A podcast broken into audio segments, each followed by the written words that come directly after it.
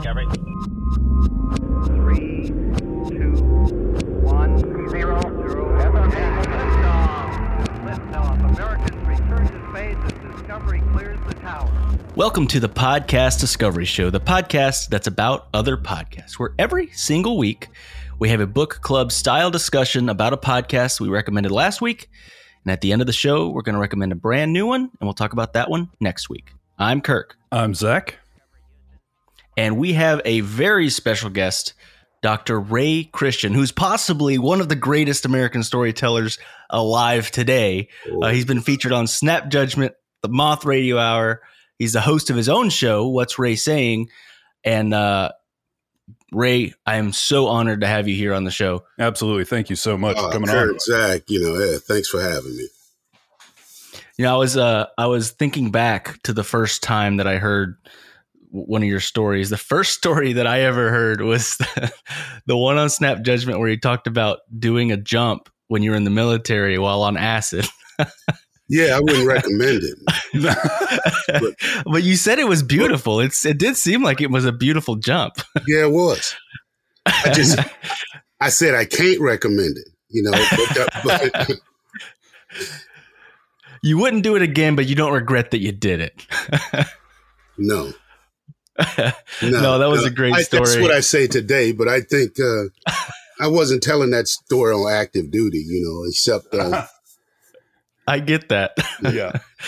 I love how at the end you got like commendation for for helping a, helping a brother out that was you know under pressure and cracking under pressure and everything. man, I ain't real life story. stranger than fiction.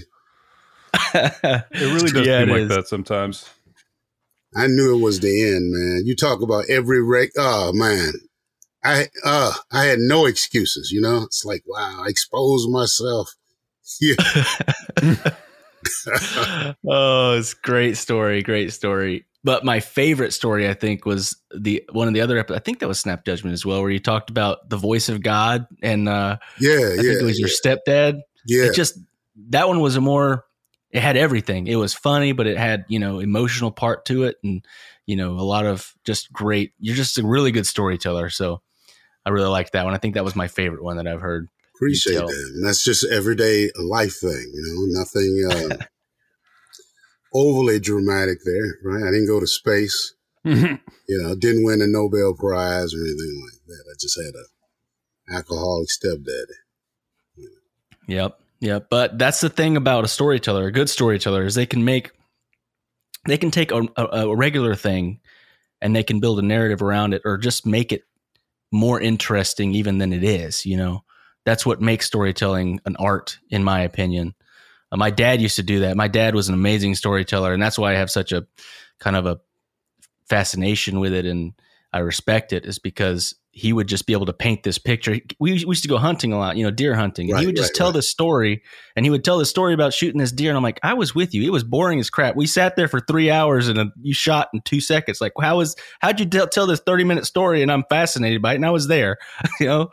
Man, you know, like hunters and fishermen, anybody engaged in some occupation where it's long periods of time you ain't doing nothing, they're good storytellers and liars. You look Yep. at any any jobs or occupations that require somebody to do long hours or nothing, uh, they, they all they all lie or tell stories. Well, and that kind of like Yep. leads us to like this this whole episode on one particular point, the military thing. When I uh, yep when I left home and I joined the army, the thing about storytellers was, you know, you meet a bunch of dudes from all over the country, all over the world, all kinds of backgrounds, and the way people told stories, the way people lied, the way people could be outrageous or use figures of speech you never heard before, uh, was something, you know, that was phenomenal to me in the army. And so you'd meet guys with all kind of mindsets. And the the main character of uh, Serial season two, Bowe Bergdahl. It reminds me of at least two dozen people I knew while I was on active duty. We can get to that, but that's yeah what I, i definitely thinking. want to talk about that You know, it's a kind of a personality thing. But when you're around a lot of uh, people who talk a lot, who tell stories, there's there's like a category for that personality that I that I saw Mhm. repeating itself in the army, and I Mm. and I would gather that this personality repeats itself in law enforcement uh, too. And, and, we'll get to we'll we'll you know circle back. no, we're gonna get to that. that. Yeah. No, let's let's go ahead and jump into it. So, okay, your recommendation was Serial season two, episode one. Yeah. Um, and season two is all about um, what's his name? Bowe Bowe Bergdahl. Yeah. Who was captured by the Taliban and was held for five years. Five years. And so the thing that I found fascinating um, was that basically all we have to go on pretty much is his account. And just just like you said it just like we're going to get into it's like what actually happened you know? Because it that's what that we they try to uncover during this whole season is what actually happened what's the true story? Because it's it's it's a it's a weird it's a weird scenario and it's a crazy story. Yeah and it was a moment in time like pop culture wise too. I remember all of this uh, just guessing, you know, conspiracy, trying to understand what's happening. I remember people saying that they thought he had like defected and joined the Taliban and was like a sympathizer now. And so it became this whole crazy thing of everybody speculating wildly about what was happening. So it's right. crazy to dig into kind of his side of the story backed with uh, the information. So do you think that you liked this episode and recommended this one because you started seeing some of the people that you've uh, served with in there? I think that's probably what drew my attention the most. Anytime I hear a military story, I'm always, my ears perk up, mostly because I hear stories that are, I have heard many stories that are somewhat dubious. Mm-hmm. Okay? Uh, we live in a, a, world now, or I should say in a country where less than 1% of the population serves in the military. Mm-hmm. And of that less than 1%, less than 10% serve in combat which means that most people have no real concept of it beyond what you might see on TV. You don't have relatives. If you do, it's somebody distant. Maybe they had a little bit of time, maybe they didn't. And because there are not a lot of people running around with uniforms on or who served, a lot of people find it difficult to know who's pretending and who's not. There's just not enough people around to go, hey, wait a minute. You didn't, you couldn't have served there. You couldn't have done that. Your uniform shouldn't have that because I did. My uncle, my dad. We're so removed from that kind of stuff that people have no idea. And by the same token, you take a guy like Bowe Bergdahl. I, I know people who join the military with all kind of fantasies. In fact, but people join all kind of occupations, you know, because of fantasies. You can have a fantasy about, uh, uh, playing football and sports, right? And you have a mm-hmm, fantasy mm-hmm, about mm-hmm. becoming a, a, a, billionaire. And you have a fantasy about being a super agent or super spy, James Bond type character. However, uh, you can only be a regular infantryman in the army. But you still got that kind of mindset. And I met a lot of personalities like that. I mean, you know, properly trained and managed people who think highly of their capabilities and importance of their job can be uh can be good in some jobs, right? Mm-hmm, uh, yeah. I want I want my accountant to be anal, you know. Yeah. uh, maybe the yeah. security guard at my door, but you know, certain certain people. But then other people, they don't have no people skills. You know, they so deep in the fantasy. So you get a lot of guys who who join the military, um, who want to be that guy. They don't want to drive the truck. They don't want to be administration. They don't want to do any service and support jobs. They don't qualify for any special operations unit. Not smart enough, not physically fit, not capable, ain't been in long enough, but they can fantasize about being in a small place and make it big. And a lot of these guys are the same type of guys when they, if they get put out of the military or they don't do all their time, they end up becoming policemen or they want to be policemen, or they're mm-hmm. guys who lost their jobs as cops and try to get in the military. And I've seen both, both of these these types, or they or they they've been in one branch or another branch. They like uniforms, they like authority, uh, they want to do stuff.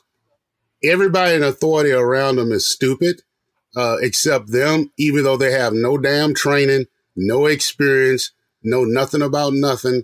Uh, you know, they're the smart one if you listen to the way Bowe talks about his story, he's the smart one. He's smart. Right. He's he's yeah. thinking on a level like like way above what any common soldier would be talking about. You know, he's he's above uh, his battalion, his brigade, the division. He's top of the army. He's he's talking about CIA and all kind of joint military assets being called in for his DUSTWUN. You know that I I would say there wouldn't be a lot of privates in the army that are thinking about stuff like that. Um, when you're at that grunt level, I mean, it's kind of like a day to day, you know, you know, you probably don't know any more than what's going on to, to keep you going from day to day. But anyway, right. more than just his telling of the story, but you have that personality, which I've seen before, and you combine that with the audience being people who know almost nothing about the military either. So him Bowe Bergdahl and some of the other voices, like mm-hmm. people uh, in his unit, mm-hmm. are misidentified. Um, they seem meaningless in tone, uh, and they probably are to most people, but they have bigger meanings if you're in the military or outside the military. Say a word like commander. And they, they use that word loosely, which for me, for my ears, makes the story hard to understand because I'm thinking like, huh? What commander? What do you, mean? What are you talking about? What happened? So you got the words, the distorted words of a man been put through another uh, distortion uh, by the interpretation of the uh, the host. Now you would think with, with them two criticisms, why would I why would I love love this episode? I loved it because all of that was clear to me both parties were saying their thing. And if I was ever trying to describe to you a Bowe Bergdahl, a type of guy I knew like that, that personality, they're all over the place, by the way. That's mm-hmm. that would mm-hmm. be it. And I said, listen to this story. I could see it play out because the reality of it is in the military, this has happened thousands of times. Uh, and, and, but, but let's back it up in times. One, when I first joined the army in the, uh, in the eighties, I joined in the seventies, but during the eighties, I was uh, stationed in uh, South Korea on a demilitarized zone. Mm-hmm. And just before my battalion rotated up to do, conduct combat patrols, uh, a guy in the unit prior, he defected to North Korea, ran through some minefields and everything, and went over there. Really? Yeah. His name was Joseph White. You might want to fact check that one. You know, uh, Joseph White. I was there. and um, here's the deal: while we were out uh, conducting combat patrols, in the demilitarized zone, there are broadcasts with him on it saying stuff like, uh, My name is PFC Joseph White, and I support the policies of Kim Jong il and Kim Il sung. And so they were using him for propaganda? Yeah. That's crazy. And now, and we out there in like in, am, in our ambush sites hearing these huge, over huge loudspeakers, you know, they go, we know you out there, you know, and, you know, go back home to America. So this guy, you already know he's 19. There's no 19 year old kid from Iowa saying, talking like that. So it's laughable to us in terms of like the credibility of it. I heard that he drowned in a lake uh, maybe a decade later somewhere in some obscure newspaper.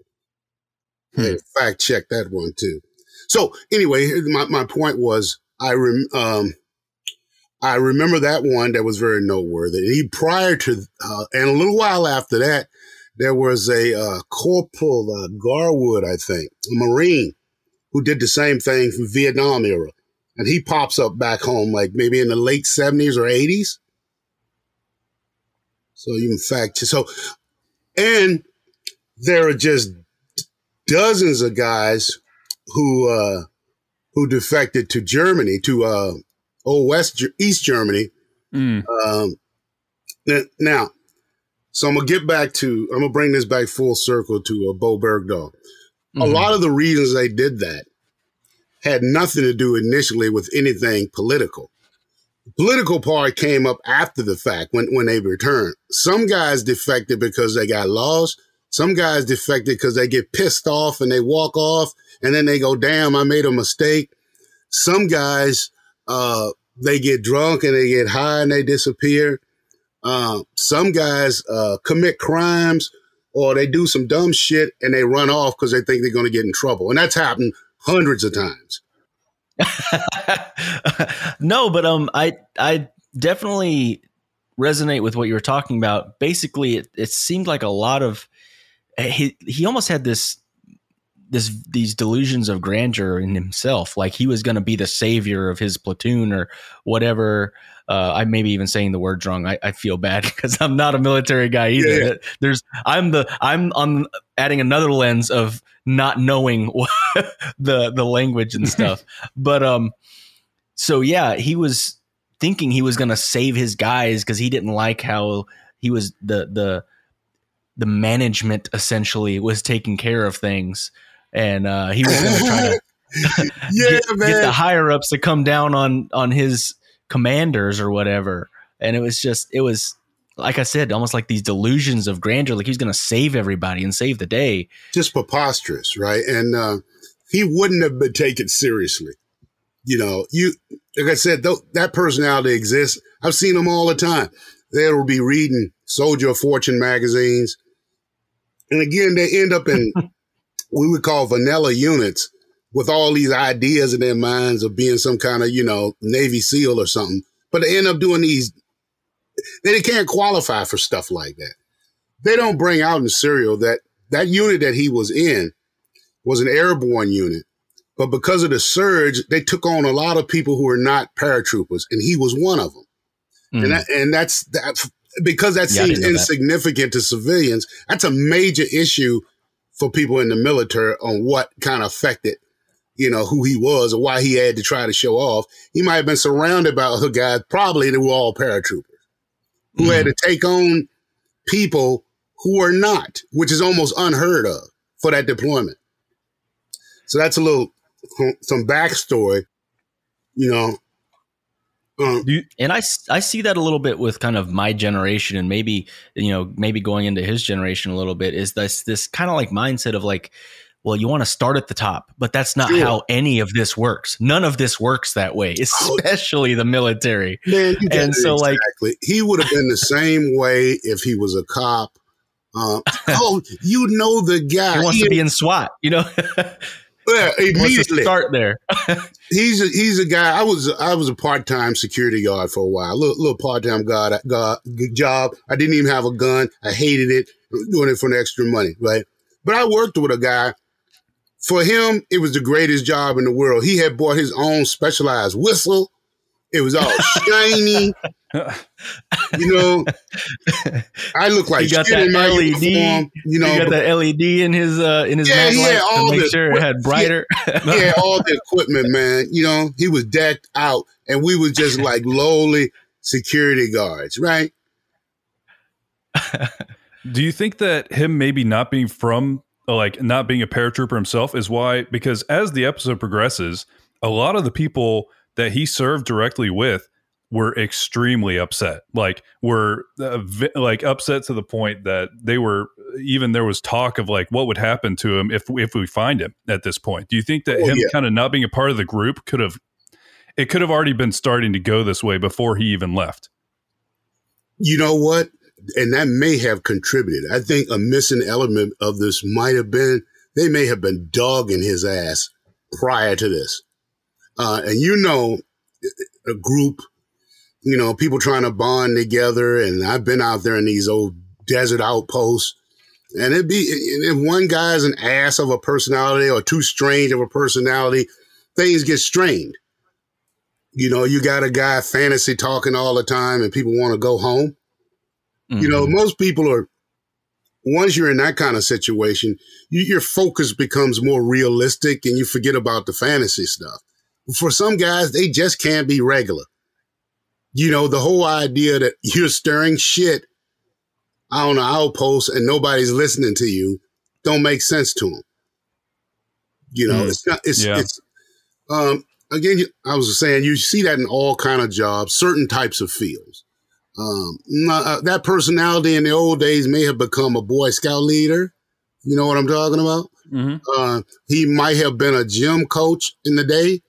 Um, you know, they got the dream. You know, they wanted to coach in NFL or something, but they beating up kids at Pee Wee Sports. um, Yeah. things like that. But I saw lots of personalities like him. So where I was going with this, it just seems like a lot of his story was more believable, or it was easy for both the interviewers to listen to him. I think because they didn't have enough understanding of of what was improbable in the military. Mhm. You know what he thought he was going to do, just how outrageous for any job, who wherever you're working in the world, just just think about that's the equivalent of the janitor saying, you know, at Procter and Gamble in one in one corporate headquarters, go, you know what? I'm I'm gonna put down my mop. I'm gonna leave my job. I'm just gonna go up to the 50th floor and just tell the damn the CEO, you know, what's happening in, in the organization. He's gonna listen to me. Nobody would Yeah. listen to you if you said something that day. And that's the equivalent of what he was. Of course, he was going to run 20 miles to, to, to do it. Yeah. So his, um, according to him, his original plan was to run, basically desert his post at OP Mest and go to the nearest fob, and which would have triggered what he that what is called a DUSTWUN. Yeah. Can you explain that to us? I don't really know, understand, or understand very well what that is. So it's kind of like we got to find our guy. Our guy's missing. He's been taken. Right. So in its in its simplest form, every military unit on Earth conducts a, a, a status update. You know, several times a day. Every unit on Earth, from submarine heading out at sea, special operators, we do it routinely as part of everything. You got to be up. Like Mhm. every every report is I got all my equipment. Here's the status of all my people. They're all here. None of them are wounded. One of them is sick. One of them is dead. One of them is missing. Now, all of those statuses except that last one, one of them is missing, is going to trigger going like, nah, we find American servicemen. That that duh, Mhm. we don't lose soldiers. If somebody is missing, we're going to find them. And so I don't think he understood. He could have understood how big that shit go. You know, because if he had Yeah. been just simply killed or dragged off, though, they would have found his ass. You know, because they ripped they ripped the countryside apart. They would have found him dead or alive if he were there. I think everything else that happened to him was just happenstance.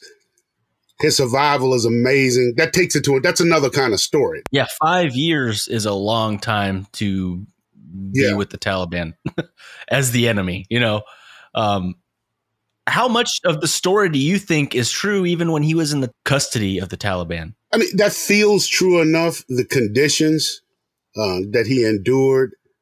Um, I think the, the probably the part I would have the most difficulty with is what he was thinking. You know, like Mhm. because he had a lot of years to come up with a rational to make him so- to make. No matter when you think through all the stupid stuff he did, he still turns it around to the military is stupid. Mm-hmm. Yeah. the military went so out of their way to to look into the just to make sure this guy wasn't being intimidated and there wasn't some secret plot going on in the military. They get this like two, three star general to interview him. You know, somebody in a position that nobody could tell him what to say or not. Yeah. Yeah. I think what because of what happened to him, nobody wants to see him like further punished. But the the hell he put the people through. Here's the thing: when if equipment is missing, I mean you you go through all hell to get it back, to to secure it, to find it. If it takes days, if we have to send scuba divers to down to the bottom of a damn lake, uh, whatever it takes to get those called sensitive items. For a human being, there's almost no limit Mm-hmm. and no Move cost. and earth. You Yeah. know, if a naval task force goes out to sea and one sailor falls off a boat, they will expend tens of millions of dollars to look for him before they say, "Nah, we're done." If only everyone else had that much value in other people's lives, you know? I think you know that's kind of world would be a ironic. better that you're in, the, you, you're in the killing business, but we'll find you. yeah, a- this they value weird- human life so much in the, in some way. Yeah, you you ain't worth shit in the army until you die. I guess you know. It's- maybe because it's bad. You're bad for recruitment. They got to take make sure your mom and them ain't mad. You know. I wonder if that's part of what happened here, where essentially all of the ones you were talking about are pre-internet, and so Mm. the visibility of what happened with him was on the 24-hour news cycle. Everybody was tweeting about it. Everybody was. We got WikiLeaks dropped a bunch of the the intel and things like that that they were picking up. And so everybody just talked about it all the time. And it was five years. And so I wonder if that's why this specific case got just blown up into this huge moment. Yeah, you know what? You I hadn't thought about it. That's probably right because all the ones that I had cited are all kind of predate the internet, and they they didn't get much play except within the military itself. You know, Mhm, mhm. but these guys were popping up all the time, and there's there's some a big thing about guys who came back from Korea. From the Korean War, some of these guys were over there like decades, and they had wives, and I think their last one may have died already. But uh, so that happened a lot. It's not unknown in the U.S. military for people to say, I'm out of here. Uh, the Navy has that happen quite often. And when they deploy and uh, people won't come back to the ship, they fall in love, you know.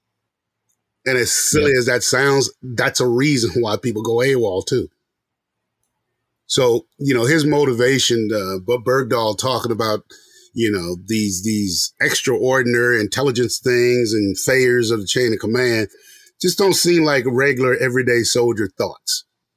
You know? Yeah. yeah, it almost seems like he had thought about a lot of this kind of stuff before he went in the military. He probably been studying this crap forever and Yeah. knew. all- I mean, I don't know what all they teach you in basic, but I doubt they're teaching you all this stuff about who all is going to get notified if you go missing and oh, stuff like Oh, right, that. Hell no. And and that's the thing. When you listen to that, that's exactly when I want to go, what? Hmm Dude, that's way That's something you were picking up on that we didn't pick up on. Yeah, that's like way the hell over your head. You're just a private. And here's the thing, the social part of it. Was he like 23 years old? yeah. I can tell you this. Those guys in his platoon who were like 18, 19, and 20, 21, they wouldn't take him that seriously. They're just among, you know, the military kind of age you, and among those kind of guys, they would like going, What the hell have you been doing? You're 23. Used to private like Mhm. me. You know, because I know how they they would they would want to know more. Why are you 23 years old and a private in the army? People would ask that question because it's common. People, younger guys want to know why did you, you know, you're older. Why did you do this? You know, Hmm. and you'll be surprised. And it's usually guys about that age. You know, they don't messed around, couldn't get in the police academy, couldn't get in the Navy, couldn't do this and that. They get in the army and you finally get that uniform. hmm Get that uniform. They had to be a cook to get in, but they're going to act like they're in Green Beret. But it's so fantasy driven too. Again, unless there are people there to question him, they just go on and on and they can be irritating. You know, I- Yeah. Again, I've, I've worked sure. around those kind of guys and they're always talking about some crazy shit. You know, this is a guy who wants to have a gun because he wants to be driving down the street one day, see a bank robber with a woman, with a beautiful woman, you know, holding her around the neck, and he jumps out and they shoots the guy in the head. That's his fantasy, you know. hmm But he too damn low speed, too far down in the food chain to ever encounter any shit like shooting Osama bin Laden. You know, that's not ever going to happen for him. No. if he was no. a regular cop, you know, like you were saying, you know, he want to be on SWAT. Yep. Yeah, he would. Yeah. Immediately. He No, would want to immediate- yeah, start on the road. He'd want to start on SWAT. Yeah. he wants to start off on SWAT. You never, probably never get on SWAT. You know, And it's just crazy to me. Like I- I've learned so much, eh, like hearing you explain some of this stuff, Ray, and it's so crazy to me still. And I think that's what makes the show so good.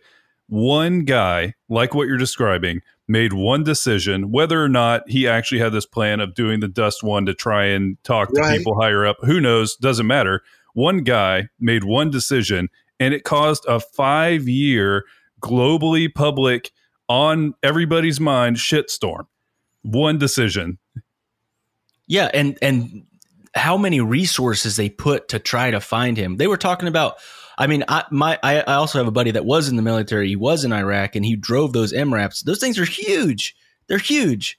And those how how expensive those things got to be. They he and them looking for him. They broke eight of them, or all eight of them were broken down from looking for him. They were telling stories about guys that were risking their lives. Later on, you know, in this season, they talk about you know people that lost their lives basically on missions looking for him. Right. Um, the When they- equipment that was lost. It's it's crazy how much resources they threw at trying to find this guy because of that one stupid ass decision that he made. Right. He, it's just that's what got me about this story. One decision. One one guy. Yeah, he turned he turned everything. When you think about the resources that were taken away from other things that were put into looking for him. And he put himself, he intentionally did it. You know, it'd be glad good to know that if you fell off a cliff and went missing, we would expend all resources looking for you. And you will have to know that the guys you left behind, they ain't getting no damn sleep while you gone. Mm-hmm. Even if we on a field operation, until we up on all people, and I was a paratrooper, we doing night operations, ain't no sleep until we account for everybody. We will find you. And you already know that, the hell of that, because we get irritated with each other all the time when somebody end up being missing for something stupid. Somebody oversleeping is a nat. I mean, that, that's you know what I'm saying. You're talking about being angry at a guy for a few minutes. I mean, Yeah. they're not gonna wake up the whole platoon for that, but you might have to walk around in a circle and be inconvenienced. I was gonna ask uh, these guys and the way that they reacted, uh, and you know them saying like literally, it'd probably be better for him to be s- still with the Taliban than for us to find him. You th- do you think that there was there was actually some stuff to that? I think in the initial stages, let's say if he had been caught or if he had came back within a within uh, a few weeks, he probably would have got a serious. Oh, they would have had to put him in some kind of secure situation because he would have got a severe ass whooping. Yeah, and I have seen that before for similar things. I was on a jump and uh, guy's uh, weapon went missing. Uh, and, the jump, and, and the way we rig, that's that's a mo- very difficult thing to happen. Mhm. Um, so we're looking. I mean, we spent days looking for this damn weapon, and they questioning him about where on the drop zone, this and that, and finally he broke down and says, you know, his weapon ain't missing. What it was, he didn't want to bring his weapon to the field, so he could have to clean it. So he like Oh uh, just didn't God. have one in his weapon container Wow. wow. because somebody How said, bad was that ass whooping? Man, I know he got an ass whipping. And That, that was like they have like twenty four hours a day of searching this shit, man. But then, yeah, you expand this to five years. Expand this to I- uh, the yeah, entire just- military. Like it's craziness. oh, public relations nightmare. You know, you join the army, you disappear. We won't even find you. sure, yeah, sure, Mrs. Johnson. Let your little baby boy, you know, join the. mil- You know, it affected all kinds of things like recruiting, morale. Um, you know, guys going. I didn't join the army to come out here and hunt for a dude for six months. You know, until I ain't got no draws on. Yeah, they were talking about like literally like underwear falling apart because they weren't able to wash it and change it and stuff. there are like multiple week rotations outside the falling wire. off of them and stuff. It's Yeah, your oh, clothes. sounds miserable. Clothes will wear out if you're in the dirt a lot. In the military, Mhm. not a lot of jobs you get to actually realize that, but I can tell you for sure, you're wearing them every day, uh, 24 hours a day. You're not washing them; they get wet, dry, wet, dry, and you're outside like that. You'll they'll start holes will start appearing all over the damn place. Um, Yep. they Sweat will then they will fall apart. They Yeah, will fall apart. And I can recall no other occupation I had to have my clothes fell apart. it was only in the military. As soon as I heard that, I went, I know exact, man, I got you. Where you turning your underwear inside out or you abandon them all together, you know? Depending on where you come from, free balling is okay, you know? yeah. But a lot of Midwestern guys can go without underwear and they're cool with that, you know? Uh, we live down here in the south. It's a little too uh, too humid for that most of the time. oh, cultures. But I will have to say, you know, he did endure a decent bit of, I mean, like by a decent bit, I mean a lot. Oh my God. Yeah. I mean, that's why we don't kill you because he kind of like punished himself. Yeah, that Oh, is a terrible punishment. You know what I'm he, he saying? You go like, you know, you really got yourself into this shit. I ain't even gonna have to spank you, man. You know? right? Yeah, because he was captured for five years. I mean, I don't know how many times you can say that, but five years of my kid is a little bit over five years old. So Yeah. it's like it's crazy, you know? No, and they said it's there was so long. like three month stretches where he was just in the dark or blindfolded. Like, as seriously, this is an incredible show. I've never listened to this season of Serial, but after me and Kirk listened to the first episode, we're like, okay, so we need to listen to the second episode, right? yeah, And we so listened it- to three. Right. Yeah. back to back because I was like, man, I forgot how good this was because I've listened through it, but it was like three or four years ago. I I'd forgotten a lot about it. Yeah. so So, um, so much for being a, a, a war hero, huh? yeah, and Yeah. that you know I do like that the intro that they talk about that. Like mo- normally. You, we find a POW and it's a cause for celebration. And what's funny is at Yeah. first there was there was like his hometown was getting ready to celebrate. His Obama even like had a Yeah. speech saying you know they were happy to have him home, and we made a a pretty decent trade to get him back. What was we gave him like what fifteen? Was it fifteen? no, I think it was five, five Five, Taliban five. soldiers. Sorry. Yeah. Some serious, some serious dudes, you Some know, serious bad guys. Yeah. yeah. for both. For, for for, this dumbass. but but yeah, I mean, he did endure some crap though. I mean, he literally had diarrhea for three years. I mean, that's the part that I was like, man, that sucks. that sucks.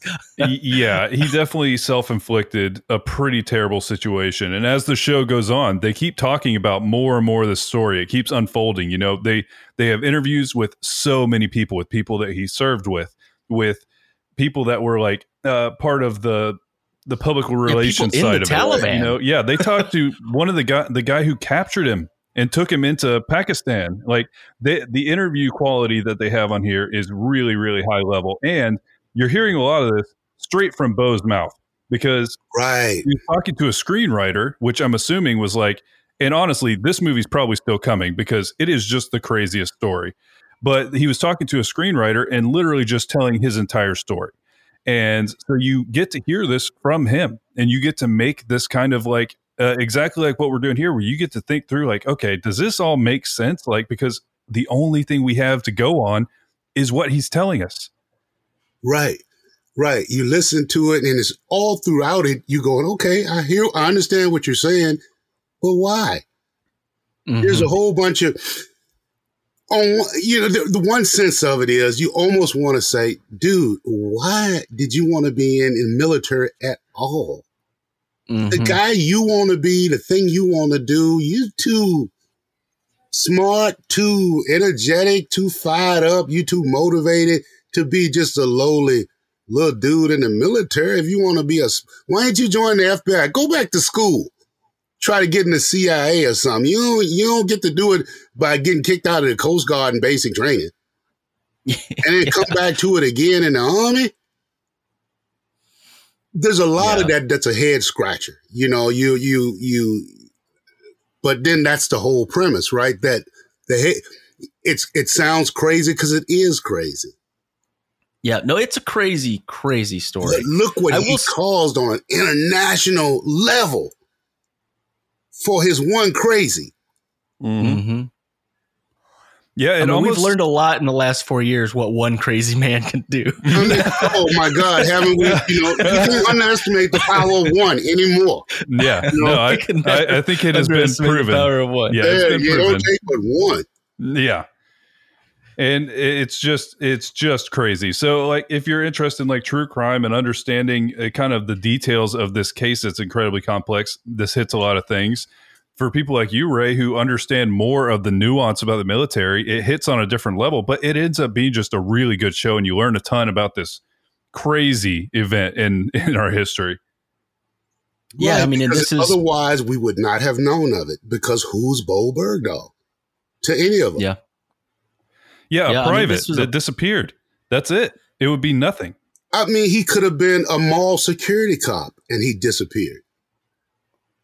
I mean, he, he would have been that guy, but the consequences would have been so unimportant. You know, he would leave his post in the mall to go out and investigate somebody in the parking lot off the clock. But no one would, but that's not going to hurt nothing. They would Mhm. just have to say, we're going to have to fire you.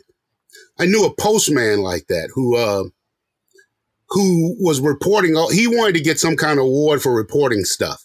So on his postal route, he would try to call up the fire department, um, suspicious people on the street, etc., cetera, et cetera.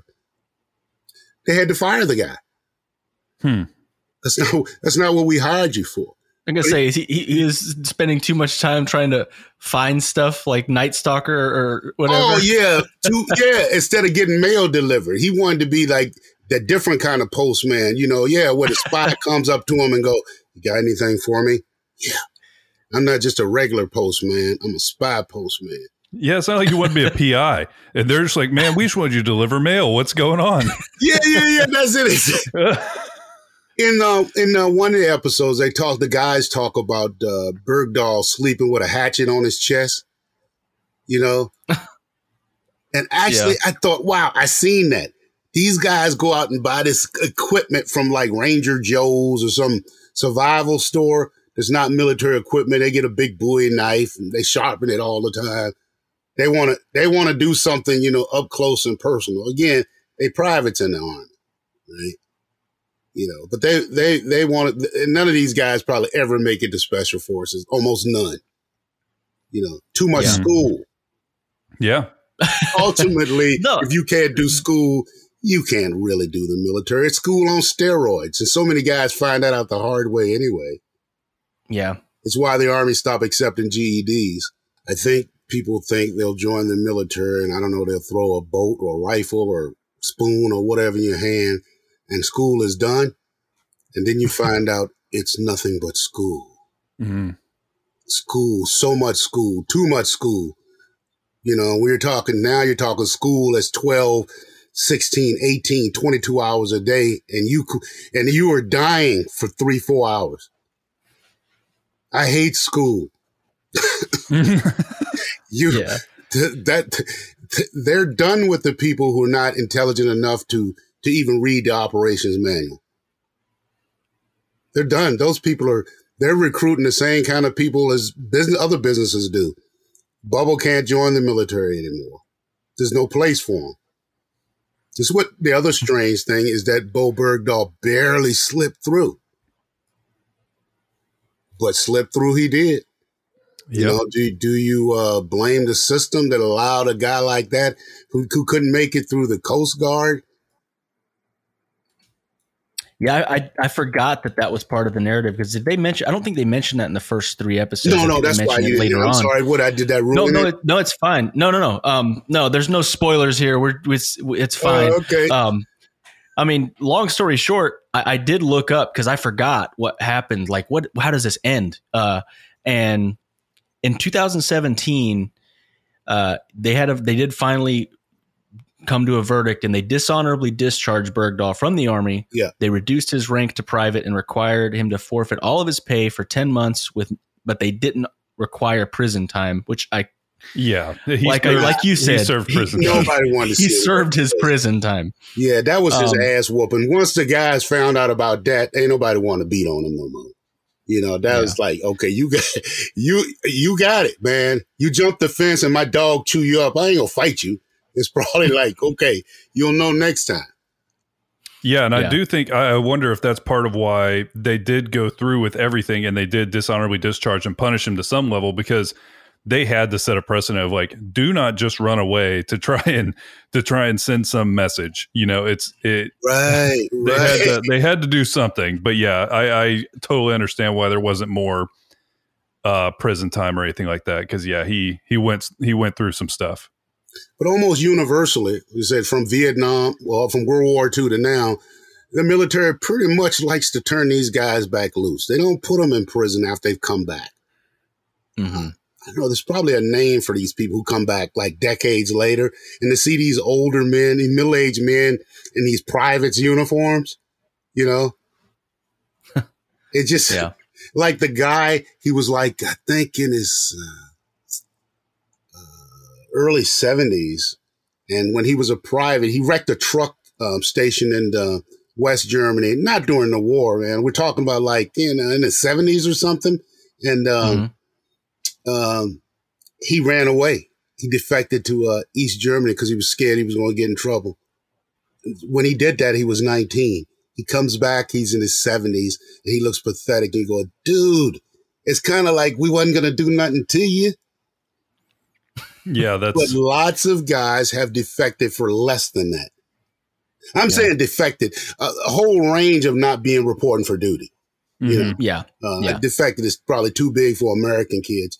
That's uh, that would always strike me if if an American young American military person said anything about my have political reasons it's kind of uh, culturally weird. It would be some other stuff that you're probably up to, mm. uh, your motivations. Uh, uh, when I was stationed in Korea, love probably was was a primary one for guys going AWOL.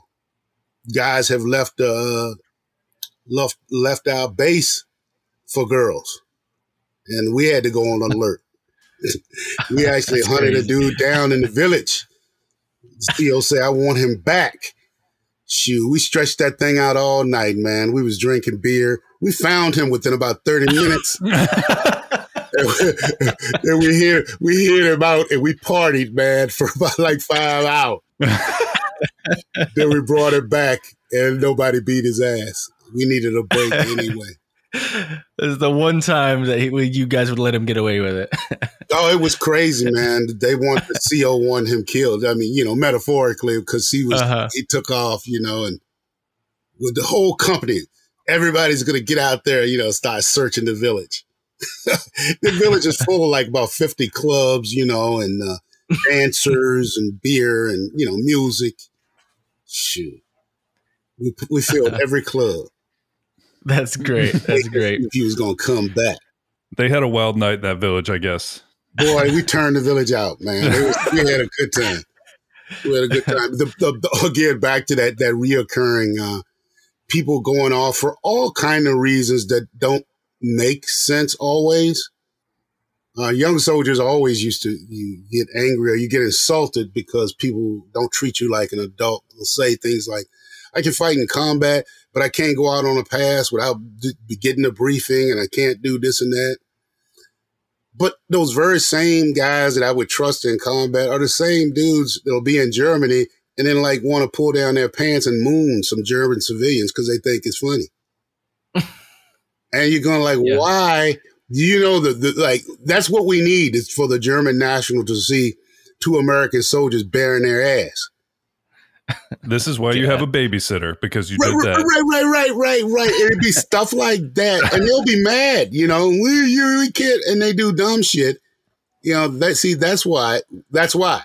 That's why you wear offensive T-shirts like uh, "Speak English or Die," and we had to ban yeah. that. Why? You're treating us like we were little kids. You wonder mm, why? I think college students say that too, right? well, Ray, it was a great recommendation. And we really, really appreciate you being on the show. And um, thank you for your service, 1000%. Thank you for um, entertaining us with your storytelling.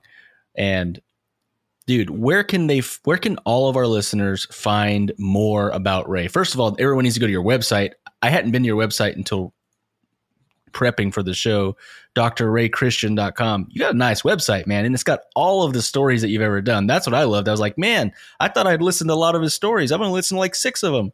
There's so many. Oh man, I'm hanging out all over the place. So you could uh, you could probably hear me uh, on the Moth Radio Hour. You could hear me on uh, Snap Judgment. Some back issue stories of that. You can hear me on the Spook podcast. You can hear me on Risk adultish, story collider. Hey, I'm everywhere. Man. And it's my everywhere. podcast, What's Ray Saying, where I use storytelling and uh, history to uh, talk about some nuances of the black experience and answer questions that people ask, but uh, think in mind, but they never ask.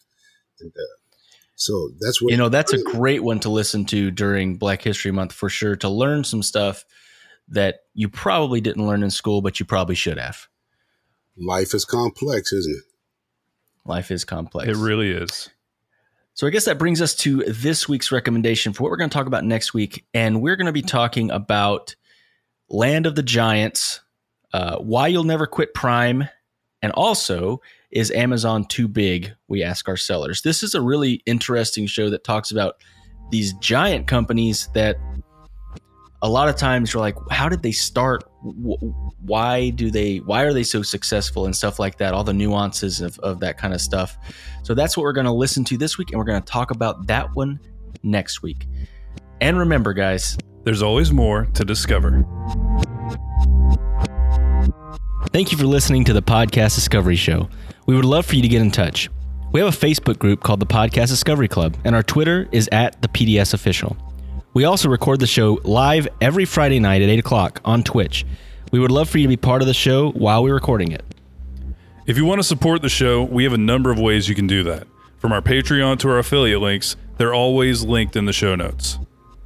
In the end, you support the show just by listening, and it means the world to us. So thank you so much for being a part of our journey. Was a podcast from the Podfix Network.